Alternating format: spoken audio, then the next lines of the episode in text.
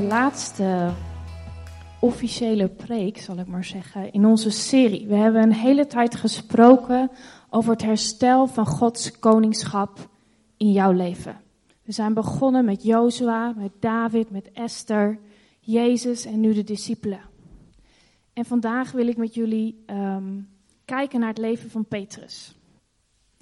En um, ik wil dat doen en verschillende onderdelen pakken. Waar we de eerste keer heel vaak kozen voor alleen intimiteit of alleen identiteit of over, om alleen over autoriteit te spreken. Vandaag lopen ze een beetje door elkaar heen. Um, en eigenlijk was mijn eerste vraag, ook omdat de kinderen hier zijn. Als je aan Petrus denkt, waar denk je dan aan? De volwassenen mogen wat mij betreft ook best reageren. Wat is het eerste wat in je opkomt als je aan Petrus denkt?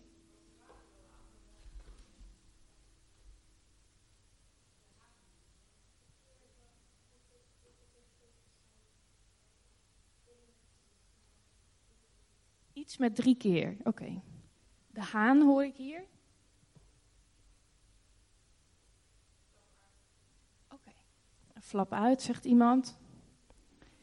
Toen wij aan het nadenken waren ook over deze dienst, um, misschien kan de eerste slide komen, moesten wij terugdenken ook aan de preek van um, Oscar over de identiteit van Jezus.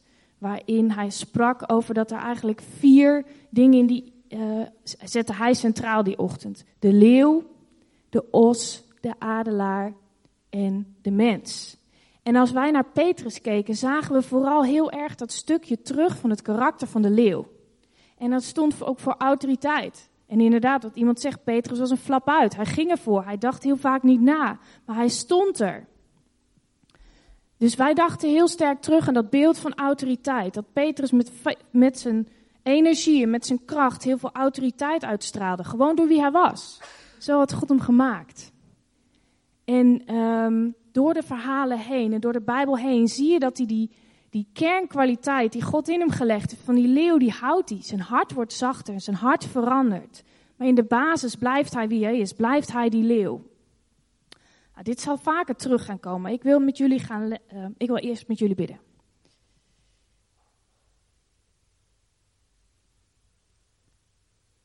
Vader, dank u wel dat u in ons aan het werk bent. Dank u wel dat we deze serie van u mochten ontvangen, Heer. Dat we geluisterd hebben naar u.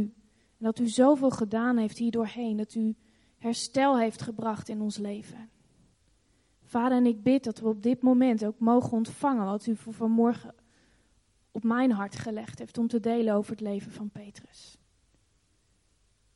Heer, dat we dat mogen pakken wat, wat, u, wat u voor ons heeft vanmorgen. Dat wat ons hart zal raken. Wat ons verder brengt in onze relatie met u. In Jezus' naam. Amen. Laten we lezen in Matthäus.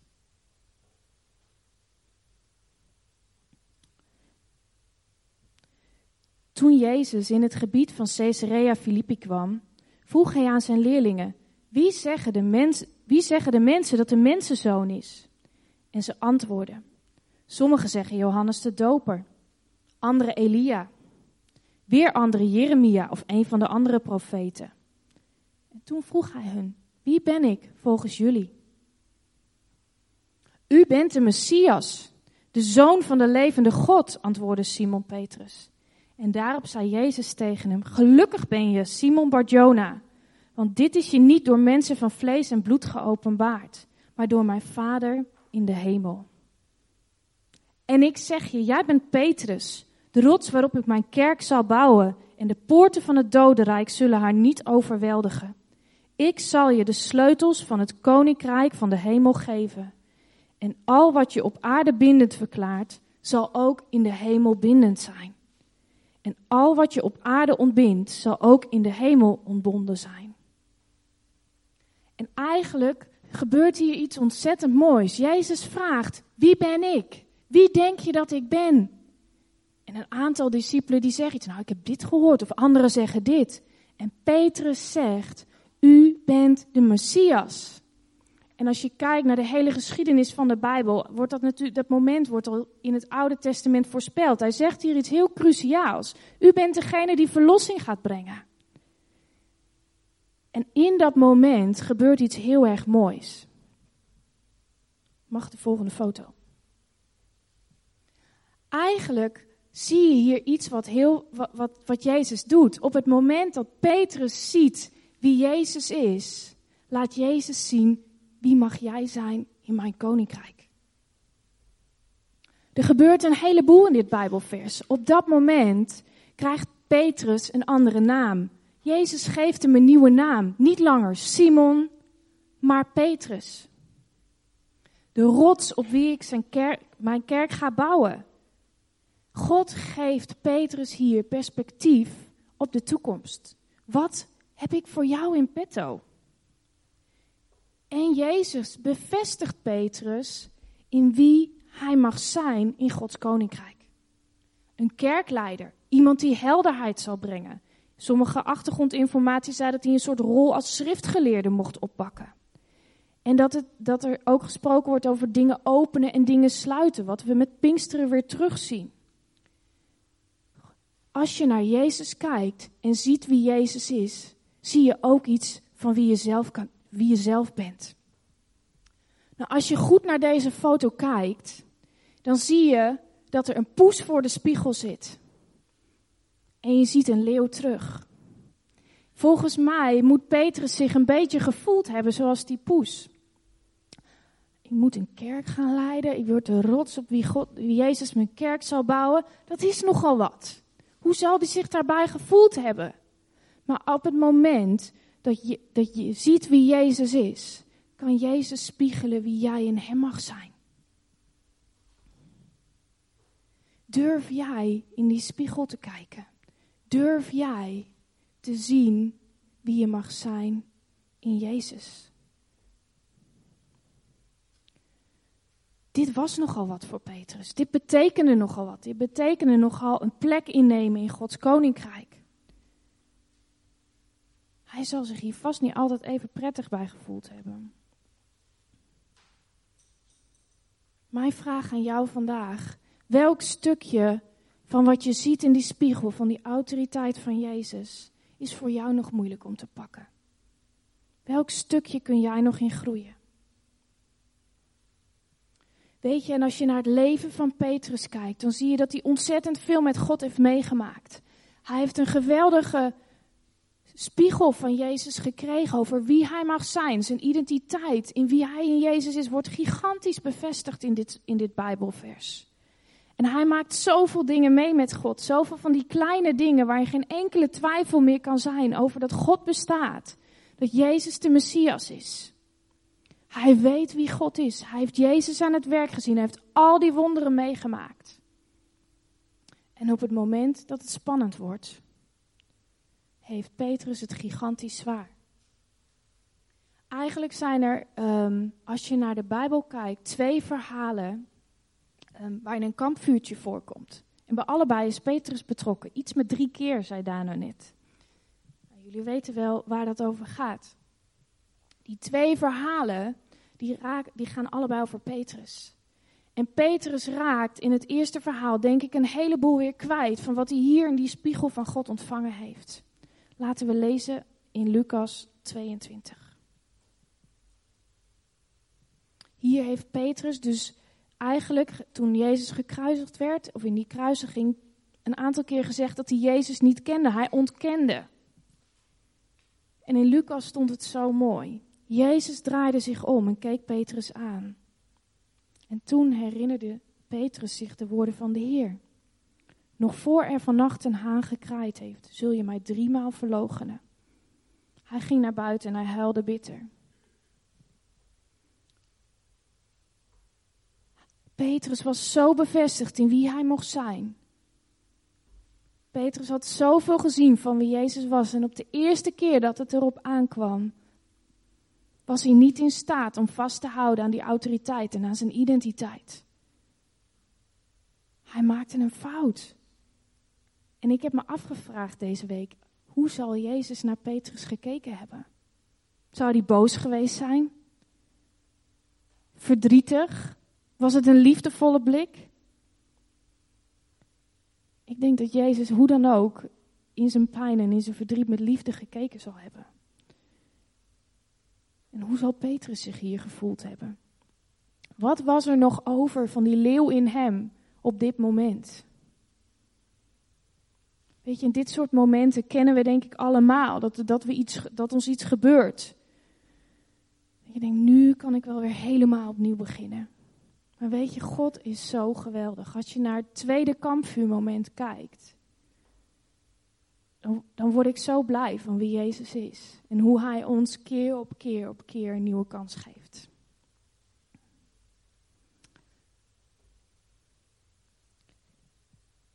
In dat tweede kampvuurmoment staat eigenlijk maar één vraag centraal. Heb je mij lief? Heb je mij lief? Laten we lezen in Johannes.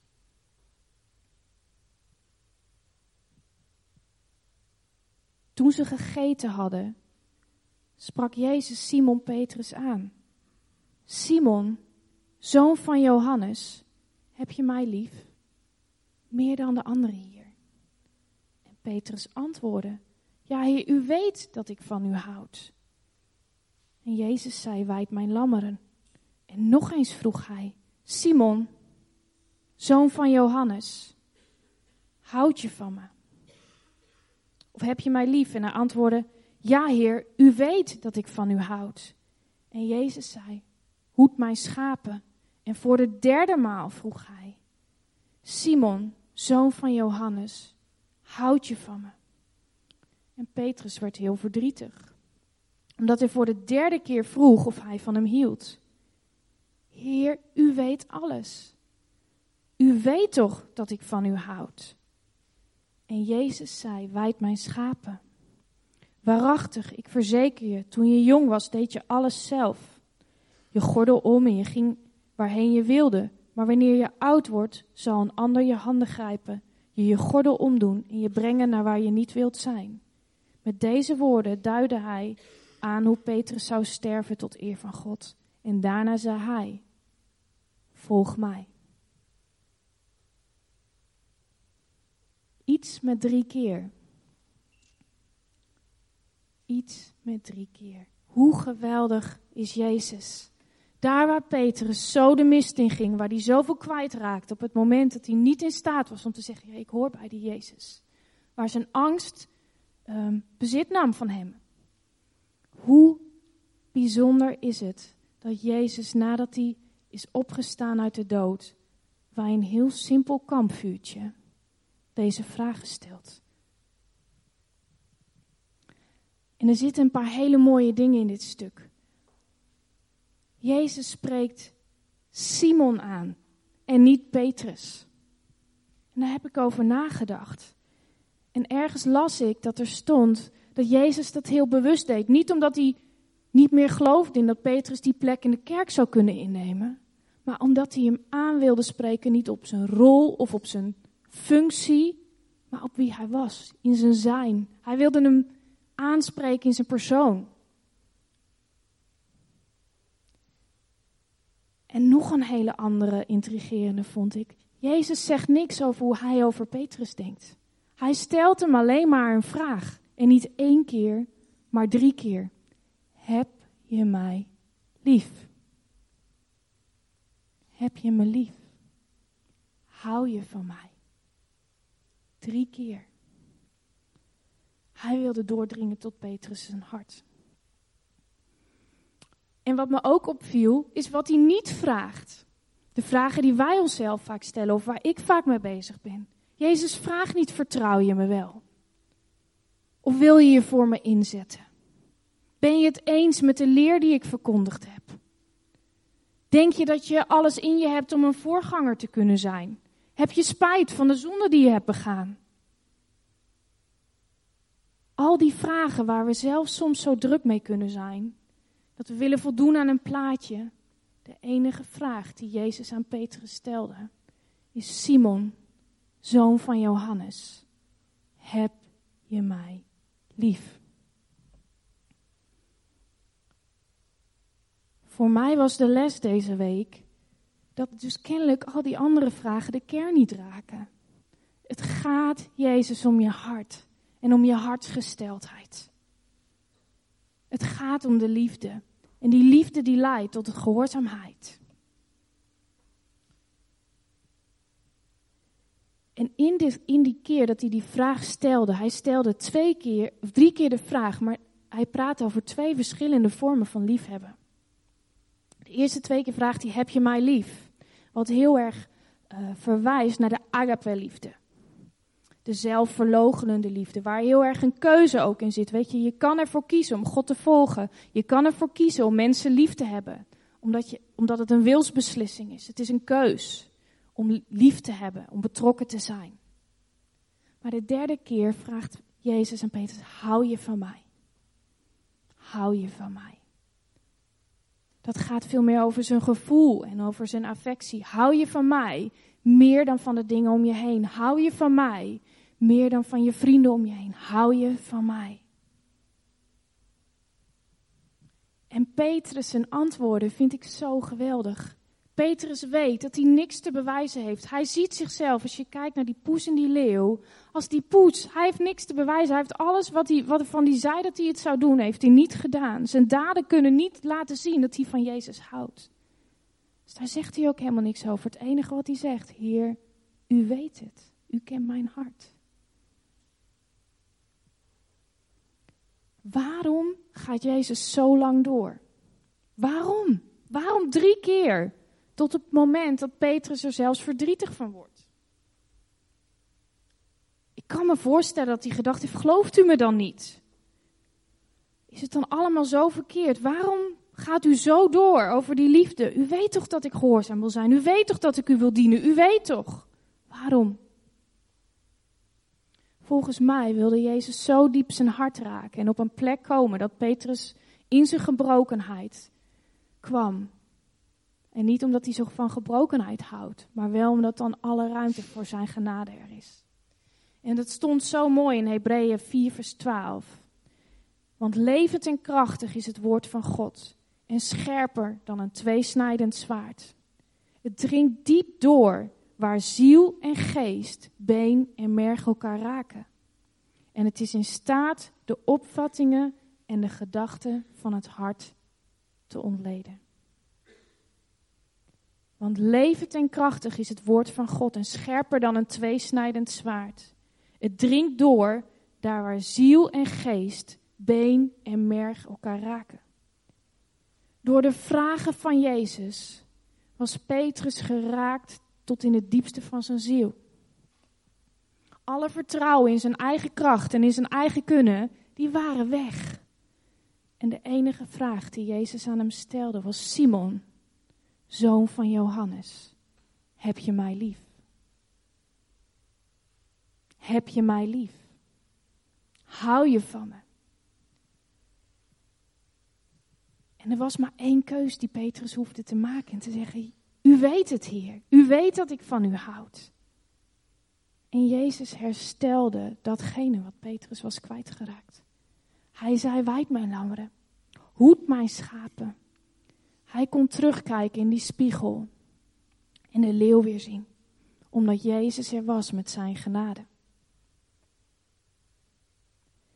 En ik heb nagedacht, ik denk, Heer, hoe zit dit bij mij?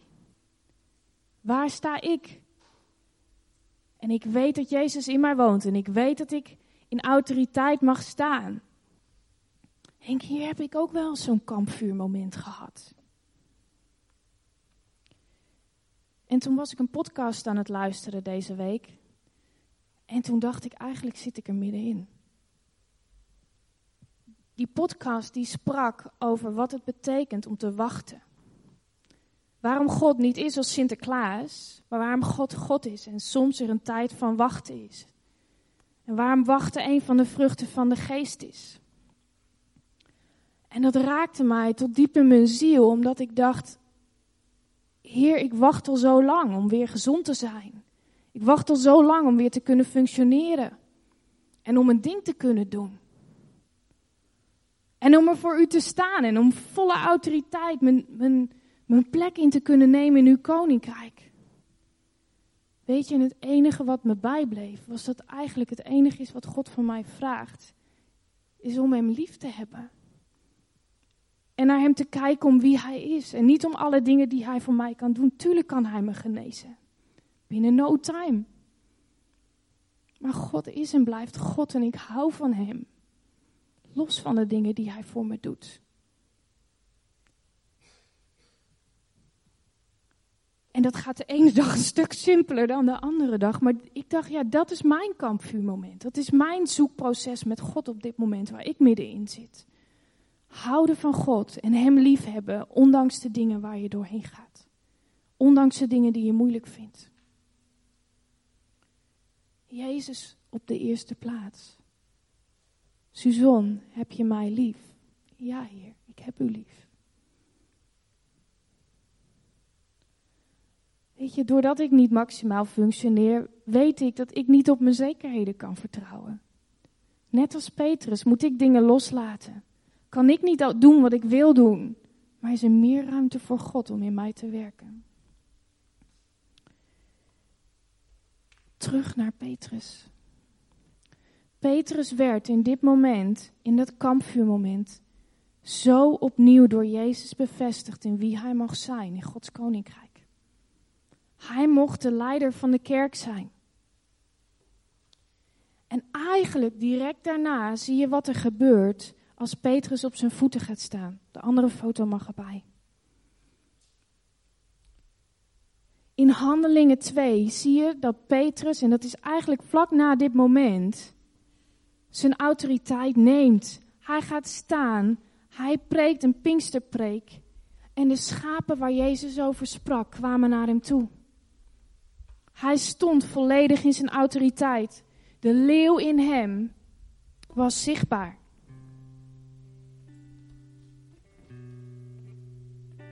Door de Heilige Geest en door Gods autoriteit was Petrus in staat om vlak na dit moment aan het kampvuur 3000 mensen tot geloof te brengen. 3000 mensen te kunnen dopen. Weet je, hij ontving die identiteit en die bevestiging van God niet uiteindelijk voor zichzelf, maar om anderen te kunnen dienen. Om in zijn autoriteit te gaan staan.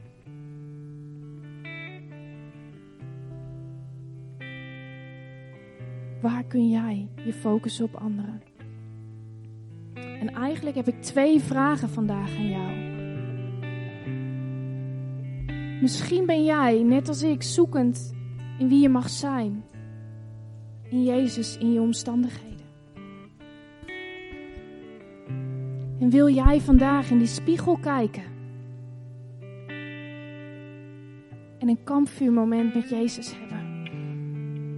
Zijn er dingen die je los wil laten? Dingen die je zijn aangedaan? En dingen die misschien niet het meest belangrijk zijn in je relatie met Hem. En is het goed om opnieuw te zeggen: Jezus, ik heb U lief. Jezus, ik hou van U. En dat is het allerbelangrijkst. Of misschien herken je je heel erg in het andere stuk van mijn verhaal.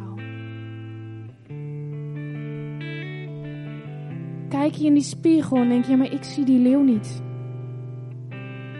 Ik zie niet dat ik een stuk van Jezus' autoriteit in mijn leven heb.